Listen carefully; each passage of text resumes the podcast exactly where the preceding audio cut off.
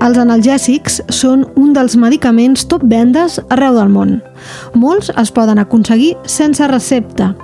Qui no s'ha pres un ibuprofen o un paracetamol un dia que tenia mal de cap o sentia dolor muscular? Si me tengo un dolor de cabeza y eso, me tomo una paracetamol. Esto sí, pero que no me tomo ninguna medicación. porque soy, bueno, porque me encuentro bien sobre todo y estoy súper contenta, y, pero bueno, si tengo que tomarme una paracetamol, sí me tomo. Tengo dolores, gracias a Dios, y no, no tomo nada. Pero las personas que lo toman es porque el dolor no lo quiere nadie, o sea que lo tendrán que tomar por algo. Realment, si em fa molt dolor, igual un paracetamol, però procuro prendre el mínim. Gent té farmàcies a casa. Obres els calaixos i està ple de medicaments caducats que no serveixen per res, però està ple. Sí, sí, sí. Si tengo por deporte como eh, inflamación, igual me tomo unas burranas o algo así, es lo único que tomo. No soc, soc de medicació. Ho aguanto bastant, el que puc, i si no, si és massa, amb el dolor, llavors sí, em prenc un paracetamol, però rarament.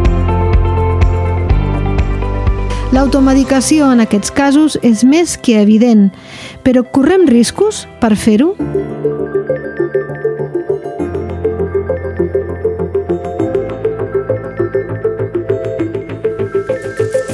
Hola, sóc Esther Pons. Això és l'Altaveu a fons. Aquesta setmana parlem dels analgèsics i de l'ús que en fem sense prescripció mèdica. Consultat primer de tot a una farmacèutica sobre aquesta qüestió. És Sandra Montañés, de la farmàcia Creu Verda. Un analgèsic és únicament un fàrmac que té l'activitat, diguem, de pal·liar un dolor. Val? Sobretot seria un dolor ja eh, lleu moderat. Si coneguem el paracetamol, ibuprofè, nolotil, enàntim, ja estic dient marques, però aquestes són les més conegudes entre la gent. Els analgèsics no opiacis, que la OMS té una escala d'analgèsic, analgèsica que es diu, i els, primers, els dels primers esglaó, que serien els no opioides, que com són els, els antipirètics, analgèsics, paracetamol, ibuprofens també, antiinflamatoris, eh, aquests es poden prendre sense recepta mèdica. Es veu una mica de tot. Les persones grans, com que estan ja més vigilades pels metges, perquè van més a sovint a veure'ls, eh, normalment ja saben quina medicació prendre, perquè el metge ja l'ho recepta. La gent jove és la que sí que recorre una mica ve a les vies d'internet o ja directament venen a la farmàcia preguntant o m'han informat o algun familiar, algun amic ja m'ha donat alguna pista de quin medicament podria prendre. Moltíssima, més del que, que ens pensem. Molta gent recorre directament a la farmàcia perquè troben que és com la via fàcil no? de poder alleujar algun dolor puntual o sí, una dolència que pateixen en algun, en algun moment en la seva vida. Un mal de cap, un mal, bueno, dolor de regla no? en les noies. Al començament ja hem dit que els analgèsics són uns dels top vendes a les farmàcies i més tenint en compte que en alguns casos, com indica la Sandra, no cal recepta per comprar-los. Ens ho confirma la Carme Pallarès, cap d'àrea de recursos sanitaris del Ministeri de Salut. Sí, el, evidentment els analgèsics, tot el que és, sobretot el paracetamol, que és l'analgèsic més consumit. En nombre d'envasos és el medicament més consumit, eh, però bueno, també tenim l'ibuprofeno, doncs bueno, evidentment que, que l'analgèsic és un medicament àmpliament consumit a tots els grups d'edat. L'automedicació és preocupant amb qualsevol tipus de medicaments, potser amb els analgèsics, en algun, en algun moment concret, evidentment són, hi ha presentacions que es poden dispensar sense recepta, però sempre hi tens el consell del farmacèutic doncs, que t'explicarà que encara que, que, sigui, que sigui sense recepta, doncs, tots els medicaments tenen efectes secundaris i tots els medicaments s'han de prendre doncs, seguint unes, unes recomanacions, ja sigui del metge o ja sigui del farmacèutic.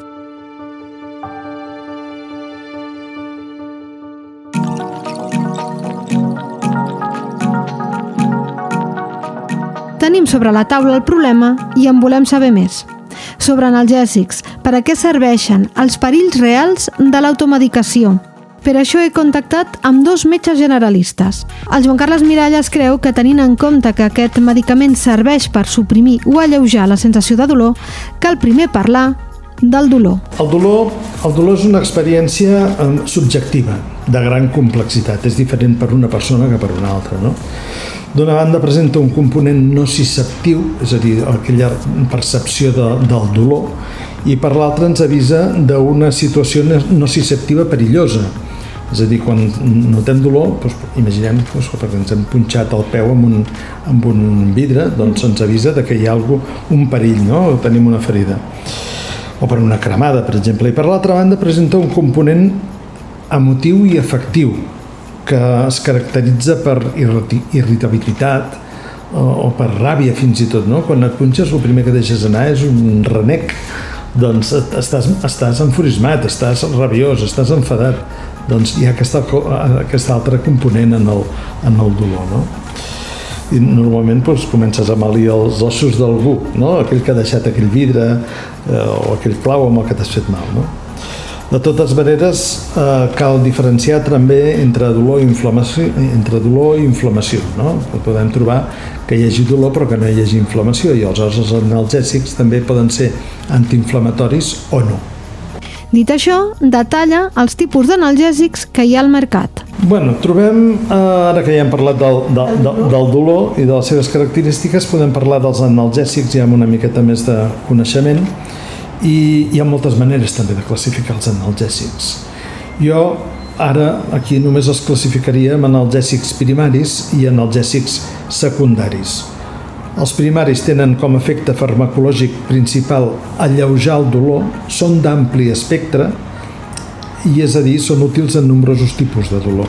En canvi, els secundaris tenen unes altres indicacions, però poden disminuir algun tipus de dolor específic. Uh, anem a parlar dels primaris. En el primer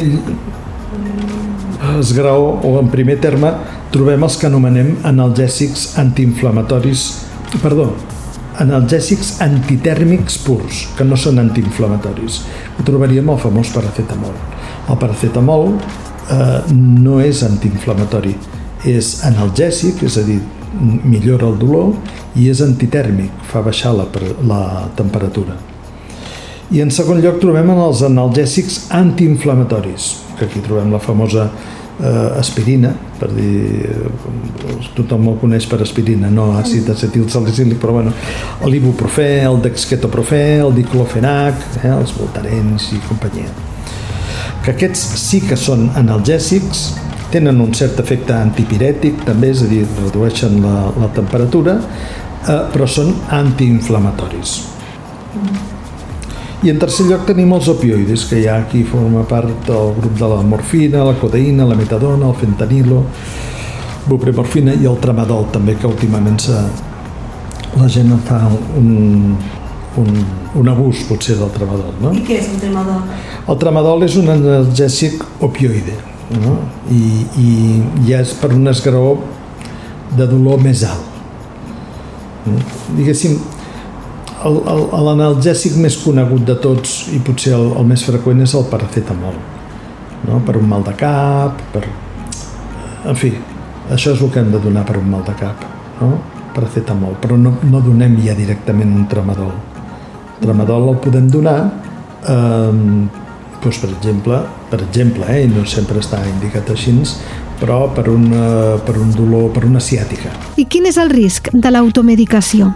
Els doctors Albert Dorca i Joan Carles Miralles ens en parlen. I no està malament prendre'ls sense recepta si algun cop els hem fet servir abans i tenim una idea del pel que els estem fent servir. És a dir, que algú que algun cop hagi tingut algun refredat previ, veu que no es troba massa malament, però té un cert malestar, es prengui un paracetamol, no està fent cap, cap atemptat a la pràctica mèdica ni, ni contra el seu cos de fet, la majoria de medicaments eh, que es venen sense recepta porten uns prospectes molt detallats de quines indicacions tenen, per què serveixen, com es fan servir i en quins casos s'hauria de tenir cert cuidado o no s'haurien de fer servir. I tenim els farmacèutics que eh, els tècnics de farmàcia, encara que ens els puguin dispensar sense recepta, ens poden orientar i ens poden indicar de, de, de per què serveixen i com es fan anar. 3 grams de paracetamol al dia ja comencen a ser tòxics Pensem que els, el, la gent no sap quin és el, el, el, el tope, no? el topall que, que pot prendre cada dia. I com que això ho trobem en el supermercat, en diferents països, eh? doncs la gent pensa que és inocua. No són inocus. El, el, el paracetamol, per exemple, és hepatotòxic. Quants nens, jo que a l'inici de la meva carrera estava en el, en el món del trasplantament, quants nens s'han hagut de trasplantar de fetge perquè van agafar el paracetamol perquè té bon gust i, i se'l prenien com si fos allò un, un, un xarop de, de, de maduixa, saps? eh, és molt hepatotòxic. Després el, el, el, els, els antiinflamatoris com el, el diclofenac doncs, són renotòxics, és a dir, eh, eh, afecten a la, a la funció renal i sobretot si ens trobem ja doncs, amb gent gran que ja tenen una funció renal tocada, que tenen una certa insuficiència renal, si a sobre mm, els hi afegim un, una substància nefrotòxica com pot ser un, un, un antiinflamatori, doncs empitjorarem molt. I aquesta gent són gent que tenen dolors, la gent gran doncs, per l'artrosi, per... I, i després molt influïts per, les, per, la, per la gent, aquella veïna que diu escolta'm, jo no sóc metge però d'això en sé molt perquè eh, pren això, pren l'altre i millor no sap que està donant una dosi eh, tòxica. És que fins i tot hi ha maneres de com s'han de prendre els medicaments. És a dir, el paracetamol el pots prendre en, en dejú, si vols. Però l'ibuprofè no, mai perquè s'han descrit casos d'hemorràgies digestives altes, és a dir, un sagnat a l'estómac, per culpa d'haver pres un antiinflamatori que ha anat a parar en l'estómac eh, en un lloc que ja era, eh, diguéssim, susceptible de sagnar i com que és molt agressiu per la paret de l'estómac, ha acabat sagnant provocant una hemorràgia digestiva alta, comprometent la vida del pacient. O sigui, sempre que prenguem un antiinflamatori, antiinflamatori, l'hem de prendre eh, acompanyat d'un àpat.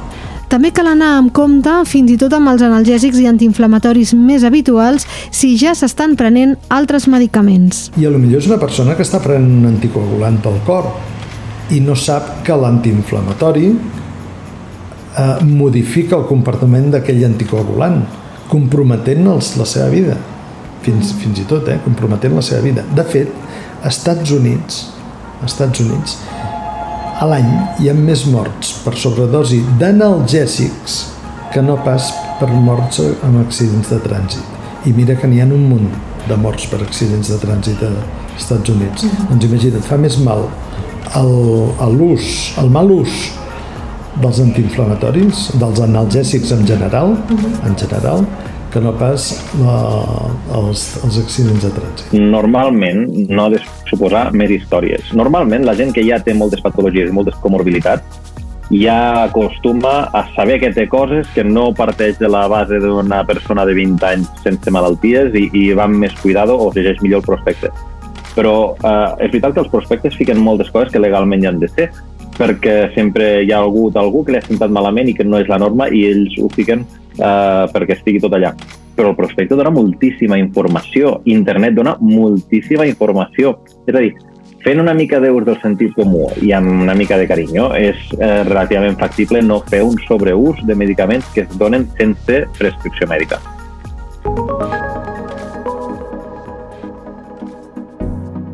Queda clar, doncs, que ens automediquem. Però per què ho fem? El doctor Dorca té una teoria.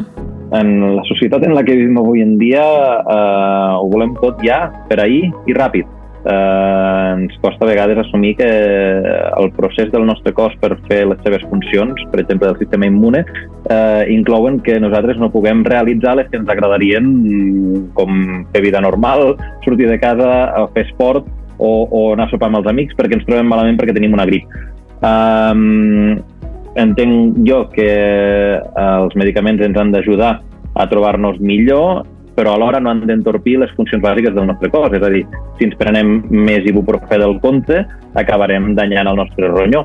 Si ens prenem més paracetamol del compte, podem acabar danyant el nostre fetge, que són els, els òrgans que metabolitzen aquests dos diferents eh, medicaments En tot cas, la recomanació dels dos metges amb qui hem parlat avui és que anem més enllà del que ens recomani els veïns i tot allò que podem trobar a internet. Cal que consultem amb els professionals de la salut abans de prendre qualsevol medicament que no hagin pres abans.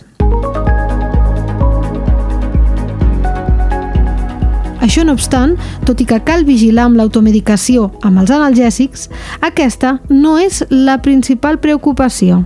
Estem sobremedicats i si vols un dia parlem dels, dels antibiòtics, que aquest és un altre. Un tema a part seria el tema de fer servir medicaments que comporten un risc ja no només per tu si n'abuses, sinó pel resto de la societat si els fas servir malament, com els antibiòtics. En què el fet de que tu n'abusis eh, pot fer que augmentin les tasses de resistència a certs eh, microbis i que el que vingui després i l'hagi de fer servir no li faci efecte. Llavors ja no ets tu i tu circumstància, sinó eh, més problemes. Però clar, eh, a dia d'avui mirant-s'ho una miqueta crec que, crec que hi ha moltes opcions per no fer-ho malament. Una preocupació compartida amb el Ministeri de Salut, com reconeix Carme Pallarès, cap d'àrea de recursos sanitaris. En un camp on tindrem on realment hem de fer molta pedagogia sobre la importància de no automedicar-se és amb els antibiòtics, perquè tenim tot el problema derivat de la resistència a, als antibiòtics que poden tenir els bacteris i que pots fer que d'aquí un temps doncs, ens quedem sense medicaments per tractar les infeccions i aquí sí que farem un programa molt, molt, molt potent, juntament amb altres ministeris, doncs per, per evitar aquest, aquesta problemàtica. D'aquesta qüestió, però, en parlarem en una altra ocasió, ja que mereix una reflexió a part.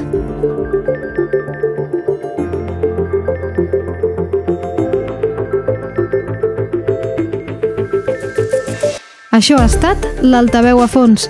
Aquest episodi l'ha realitzat Alba Baró i qui us parla, Esther Pons. Espero que us hagi agradat. La setmana vinent tornem amb més històries.